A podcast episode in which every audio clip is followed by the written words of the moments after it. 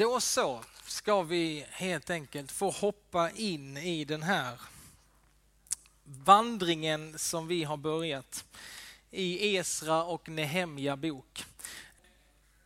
I Bibelns historia så är det ett skeende här där Israels folk har, de har förlorat sitt eh, land, sin huvudstad Jerusalem som har blivit jämnad med marken, templet är förstört, de har blivit bortförda till ett annat land, Babylon. Så Guds folk, Israels folk, är fångar i Babylon.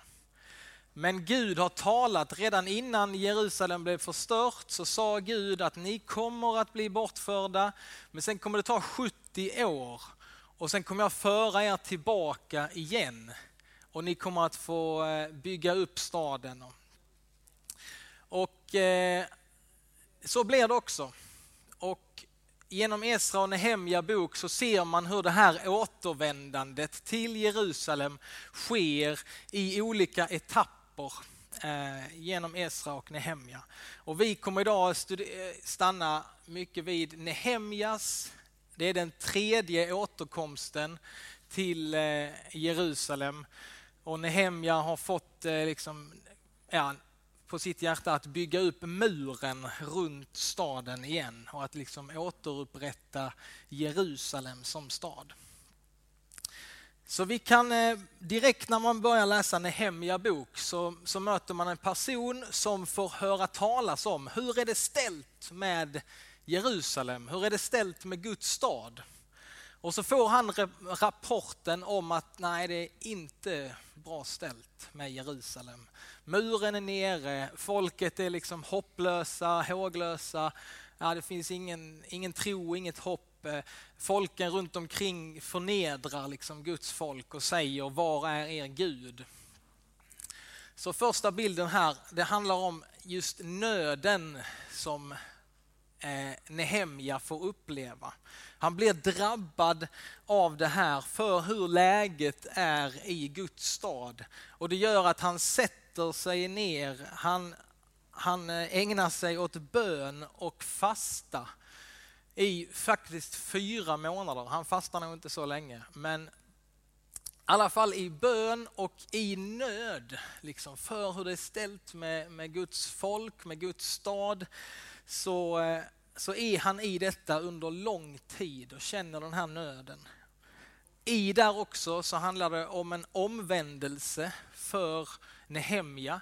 Han bekänner liksom folkets eh, synder som sina egna också. Han ställs, säger liksom att vi har eh, gått bort ifrån dig Gud. Det är helt rätt att det är som det är. Liksom. Men, och han liksom bara ber den här en gripande bön om förlåtelse för sig själv och för folket. Och i den här skeendet av nöd, bön, omvändelse, bön om förlåtelse så planterar Gud en vision i Nehemjas hjärta. Gud rör vid Nehemja och Nehemja får se något. När alla andra är missmodiga, nedslagna, så får Nehemja för sitt inre se liksom, hur murarna byggs upp, hur staden Jerusalem återställs. Ja, Gud talar till Nehemja om det som ännu inte finns, som om det redan fanns. Som Paulus skriver i Romarbrevet. I Nehemjas hjärta så är det liksom, det är så verkligt. Han ser målet för det som, och han vet eh, att det kommer krävas väldigt hårt arbete, men han ser liksom målet. Och detta fyller Nehemja med en tro. Och detta kommer också kräva då ett väldigt stort mod av Nehemja. För just då så befinner han sig 200 mil från Jerusalem. Han är en munskänk hos en persisk kung och i sin tro och med ett stort mod så vågar han tala om detta inför den persiske kungen. Vilket är, ja, han riskerar nästan sitt eget liv att ta upp den här frågan. Och det som sker då i den persiske kungen? Jo, men det är att Gud talar till den persiske kungen och kungen förser Nehemja, ja, Gud förser Nehemja med allt han behöver. Så Nehemja fick av den persiske kungen allt han behövde, allt virke han behövde för att bygga upp Jerusalems murar igen. Gud, han som leder kungens tankar som vattenflöden, han styr dem vart han vill, står det i Ordspråksboken. Och det är så tydligt genom Nehemja och Esra att det är Gud liksom bakom kulisserna så är det han som för historien framåt och ser till att Nehemja hade allt det virke han behövde för att bygga upp Jerusalem igen. Nehemja saknade ingenting utan Gud försåg honom på ett sätt som var för honom väldigt oväntat. Eh, och på samma sätt så tror jag att vi i Guds församling idag genom den helige ande har allt material som vi behöver för att bygga upp och restaurera Guds församling idag. Den heliga ande har allt han behöver för att forma oss och göra det han vill i våra liv och i vår församling. Så nu när vi går igenom Nehemja och den här berättelsen så ber jag er va, att eh, vi kommer att prata mycket om då. Men Guds ord är på det sättet att det är profetiskt och levande. Så att det handlar om oss idag. Och många med mig säger om Nehemja bok att det är en profetisk bok framförallt om att bygga församling idag. Och många säger också att det är en profetisk bok för vad Gud vill göra i Sverige idag. Hur han vill bygga upp sin kyrka idag. Så jag ber er, sitt lyssnande och ta med liksom, ja, med vårt församlingsliv, ditt liv, in i berättelsen. Och låt Gud tala på det sättet. Guds ord är levande, det vill forma oss. Och hela den här berättelsen om Esra och Nehemja, det är liksom en fantastisk illustration av hur smittsam en vision från Gud är. Den visionen som planterades i Nehemjas hjärta, ja vi kommer få se hur den ger liv, tro och framtidshopp. Där det tidigare inte fanns något hopp. Människor som varit nedslagna, fyllda av missmod, började på nytt, började plötsligt resa sig, liksom tro igen och tro på en förändring. Men nu vill jag stanna lite här vid eh, Nehemjas ledarskap. Hur han eh, leder folket. Hur hans ödmjuka och tjänande ledarskap ser ut. För vi är framme här och Jonas Hallabro var inne på det eh, förra söndagen. Nehemja får allt han behöver och så reser han de här 200 milen till Jerusalem. Han kommer fram och första natten så berättar han inte att han är där utan han, han rider runt staden. Och han gör liksom en, en omvärldsanalys själv, får se hur ser det ut. Och han får liksom rida runt om natten eh, och han ser hur det är ställt Eh, med staden. Han, jag tror han kan, kan liksom känna eh, hopplösheten, modlösheten som bara osar i staden. Och när han har gjort den, när han har fått se det med egna ögon, då på morgonen där så står det att han samlar ledarna för folket. Och så står det så här. Styresmännen visste inte att jag hade, var jag hade varit och vad jag hade gjort Ty jag hade ännu inte underrättat judarna, varken präster, stormän, styresmän eller övriga som hade med saken att göra. Men nu sade jag till dem, ni ser själva hur illa det står till med oss. Jerusalem är ödelagt och dess portar nedbrända. Låt oss bygga upp Jerusalems mur igen och göra slut på vår vanära. Och jag berättade för dem hur min Gud hade hållit sin skyddande hand över mig och vad kungen hade lovat mig. Låt oss börja bygga, sade de och grep sig an med detta goda verk. Så när Hemja kommer dit, han ser, här pågår ingen lovsång, ingen glädje.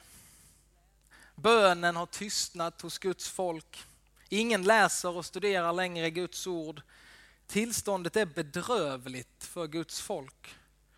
Och vad säger han till ledarna när han möter dem? Det är ju ledarnas ansvar. Liksom. Det är de som har ansvar för hur det är ställt. Och då står det så här, ni ser själva hur illa det står till med oss. Alltså han säger inte, han hade ju kunnat säga, vad har ni gjort under alla dessa år? Har ni ingen tro eller själva? Ska jag behöva lämna min bekväma borg i Susa och komma till detta? Alltså ni förstår väl vilket offer som jag har gjort för att komma hit? Ni fattar väl hur illa ställt det är med er? Har ni inte fattat det? Och det är ni som är ledarna. Det är ju ert ansvar. Ja, jag tycker det är riktigt dåligt förvaltarskap av er alltså. Eh, men ja, ja. Nu får vi väl göra det bästa av det och om ni bara lyssnar på mig så eh, kommer allting gå bra. Eh, så får vi göra slut på er vanära. Ni som har misskött er så. Nej, det finns inte ett spår av det.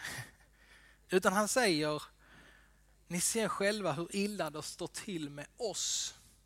Och han är ju en del av Guds folk, men han identifierar sig helt och hållet med folket. Istället för att säga ni, vad ni har gjort, så säger Nehemja vi och oss.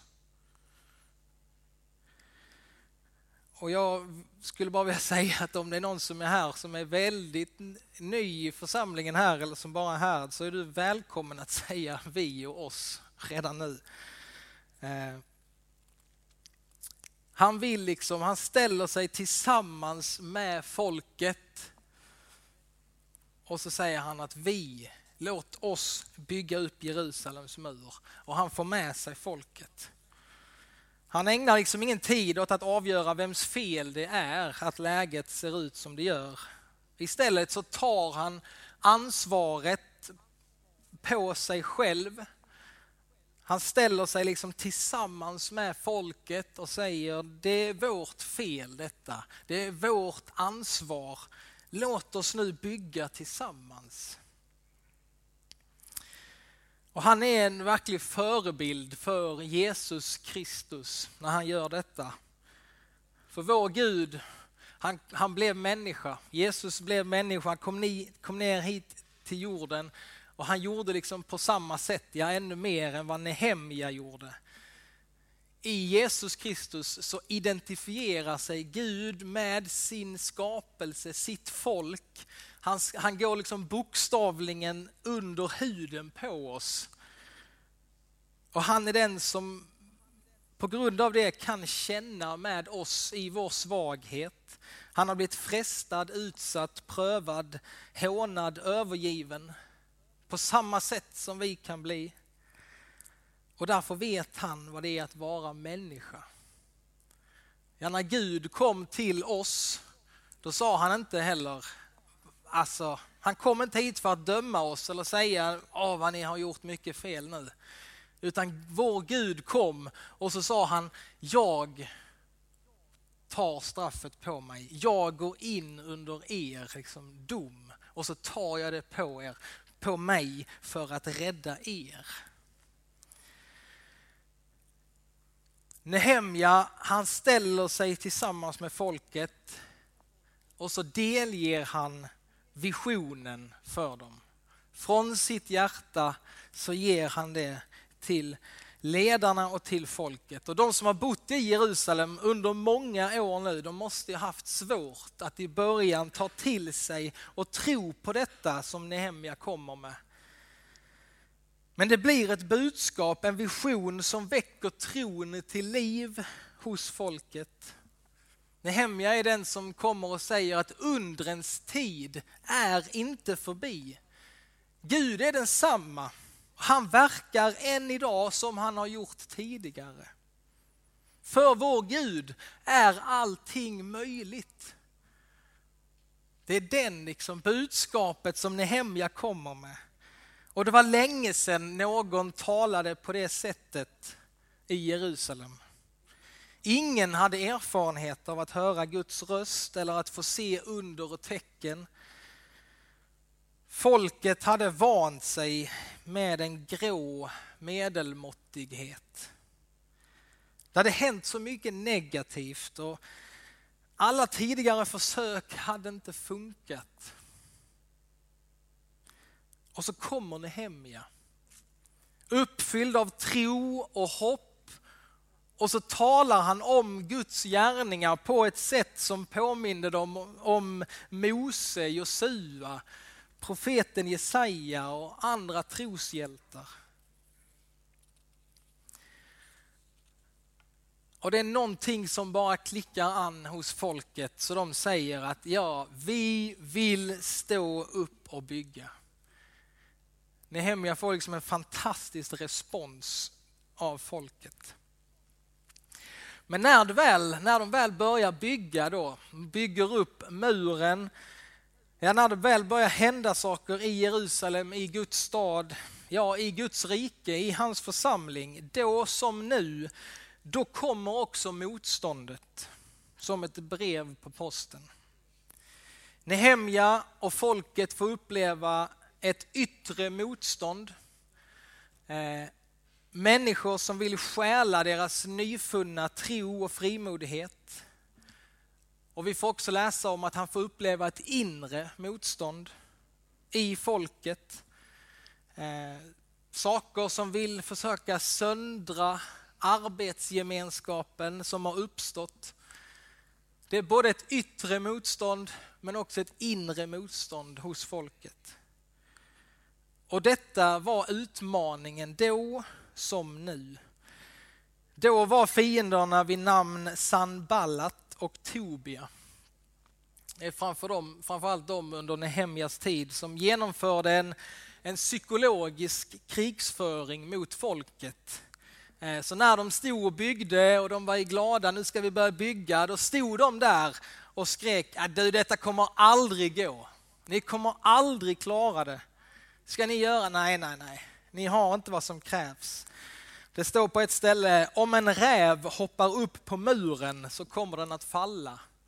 Alltså de stod och hånade, de stod och, och eh, ja, inta, talade otro liksom till folket. Och det står också att en del av folket blev trötta och de orkade inte bygga vidare.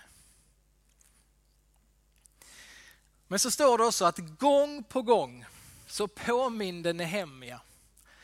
Och Nehemja han var inte en ledare som stod och sa gör så här nu så sätter jag mig i en skön boning utan han arbetade sida vid sida med folket och gång på gång så gick han och så påminde han folket och sa lyssna inte på dem, lyssna inte på motståndarna. Var inte rädda för dem. Tänk på Herren, sa han. Alltså lägg inte energi på motståndarna. Vår Gud ska kämpa för oss. Och vår stora motståndare idag när vi bygger församling, det är ingen människa. Utan det är ondskans andemakter i himlarymderna som Paulus skriver om.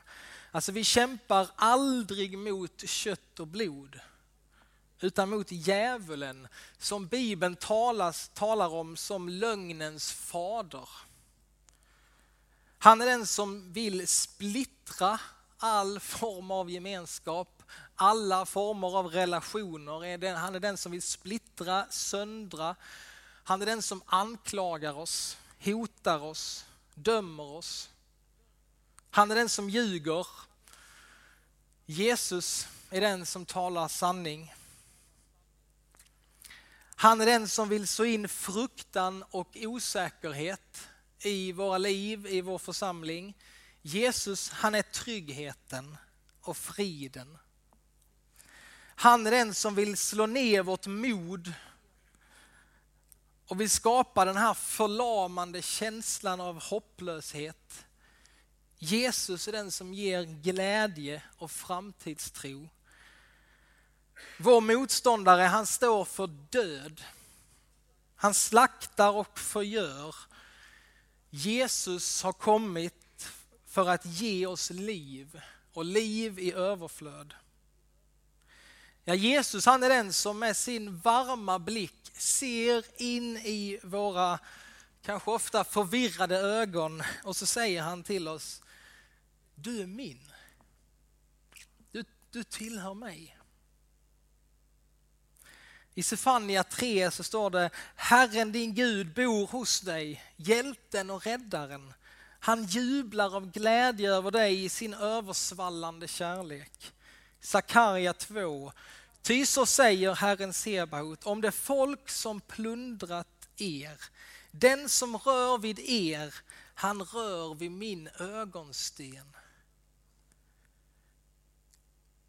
Jeremia 29. Jag vet väl vilka avsikter jag har med er, säger Herren. Välgång, inte olycka. Jag ska ge er en framtid och ett hopp. Och Jesaja 43. Men glöm det som förut var. Tänk inte på det förgångna. Alltså tänk inte på alla misslyckade tillfällen. Nu gör jag något nytt. Det spirar redan. Märker ni det inte?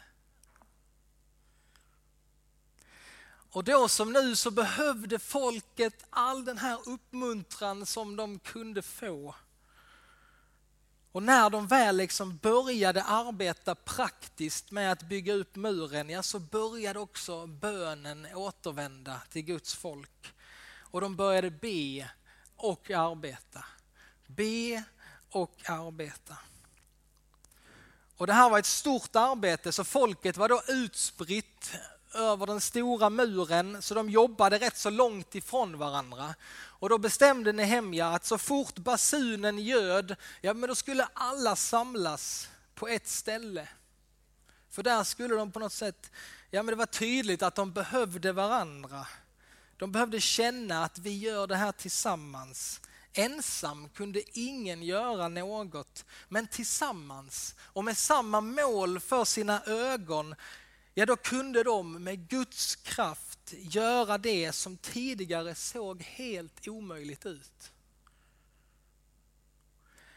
Och så stod det, eller så står det att muren blev färdig efter 52 dagar. Vi läser ifrån Nehemja kapitel 6. Muren stod färdig. Och när våra fiender fick reda på det och folken omkring oss upptäckte det framstod det för dem som ett under. De förstod att detta verk hade kommit till stånd med vår Guds hjälp. Det var liksom tydligt för alla, både för folket och runt omkring, att detta är ett Guds verk. Gud är med oss. Det omöjliga hade blivit möjligt. Muren var färdig och de alla såg att det var ett Guds verk. Ni kan tänka er för Nehemja va? som kom dit. Han såg folket då, hur de gick med sina krökta ryggar när han kom. Hur de levde i hopplöshet och tomhet. Nu var det någonting helt annat. Nu gick folket säkerligen med raka ryggar, med en tydlig glädje i deras ansikte. Och vad var det som hade hänt? Jo, Nehemja hade delat en vision om framtiden. En bild som de kunde se liksom, för hur det skulle kunna bli. Om vi gör det här tillsammans då är det möjligt för Guds rike. Folket gjorde sin del och så gjorde Gud det som bara han kunde göra. Och jag blir så eh, ja, men, välsignad av att läsa dessa berättelserna om Nehemja och Esra. Eh, och som jag sa innan, för mig och för många, så jag tror verkligen att detta är en profetisk bok.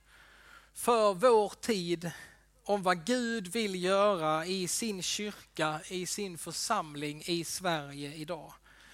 Gud han längtar och han vill återuppbygga sin kyrka i Sverige. Och där får vi vara med. Men som avslutning så har jag två saker som jag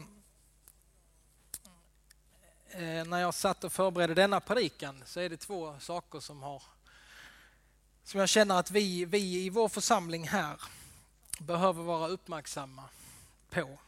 Och det första, det är motståndet som vi upplever eller kommer att uppleva. Det yttre motståndet och det inre motståndet. Och just nu, ja, jag har bara varit här ett drygt år i församlingen men jag kan bara säga att jag är så enormt tacksam över vad som sker i eh, vår församling just nu. Jag är, jag är rörd över omsorgen som finns här, värmen, eh, öppenheten eh, och hur vi får se liksom små steg hur, hur nya människor hittar hit och får bli en del av gemenskapen. Och jag vet att det här är liksom någonting som tar rätt så lång tid att bygga upp. Men det går fort att rasera. Och detta är någonting som vi måste vara väldigt rädda om. Och jag vet också att det finns någon som verkligen inte vill att Guds församling ska byggas upp och växa och att den här liksom kärleksfulla gemenskapen Eh, ska få finnas. Och jag är säker på att han gör allt för att trasa sönder vår gemenskap, infektera relationer på olika sätt. Så därför så vill jag be er alla, framförallt du som känner dig hemma här och är med här liksom, så låt oss få vara vaksamma och rädda om den gemenskap som vi har. Och jag vill att du ska tänka och jag vill att du ska ja, lägga din själ i det, liksom, att du gör allt vad du kan för att främja gemenskapen. Och att du gör allt vad du kan för att främja enheten som finns i vår församling. Det, är, det kommer komma konflikter, det kommer, vi kommer bli ovänner och då behöver vi ta tag i det, vi behöver reda ut dem öga för, med öga. Vi behöver inget skitsnack i den här församlingen eller att man pratar. Ja, ni vet hur en gemenskap kan söndras. Så jag ber er, gör allt vad du kan för att främja enheten i vår församling. Tänk på Gud, inte på motståndarna vår Gud ska kämpa för oss.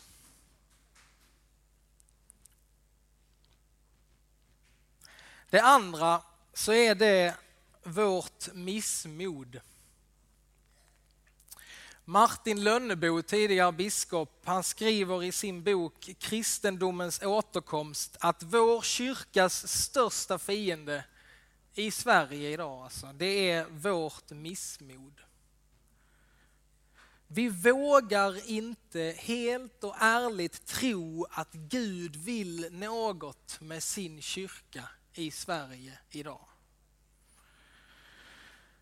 Och kanske är det så att du har för, känner att du har försökt eller du har varit med i liksom nu så ska det ske och så har det saker som har fallit och det har inte blivit så. Men kanske är det så att du har nöjt dig med någon grå medelmåttig kristendom ja då ber jag dig också att börja tro med mig, eh, för mig också. Att vi tillsammans liksom börjar tro att undrens tid inte är förbi. Gud gör något, jag tror att Gud gör något unikt i vår tid, i Sverige idag. Jag tror att han gör det här i Helsingborg just nu och jag vill inte missa det. Jag vill inte att du ska missa det. Sluta klaga på tillståndet i kyrkan i Sverige utan låt oss istället söka Guds ansikte. Han är den enda som kan förvandla en stenhög till ett tempel åt honom.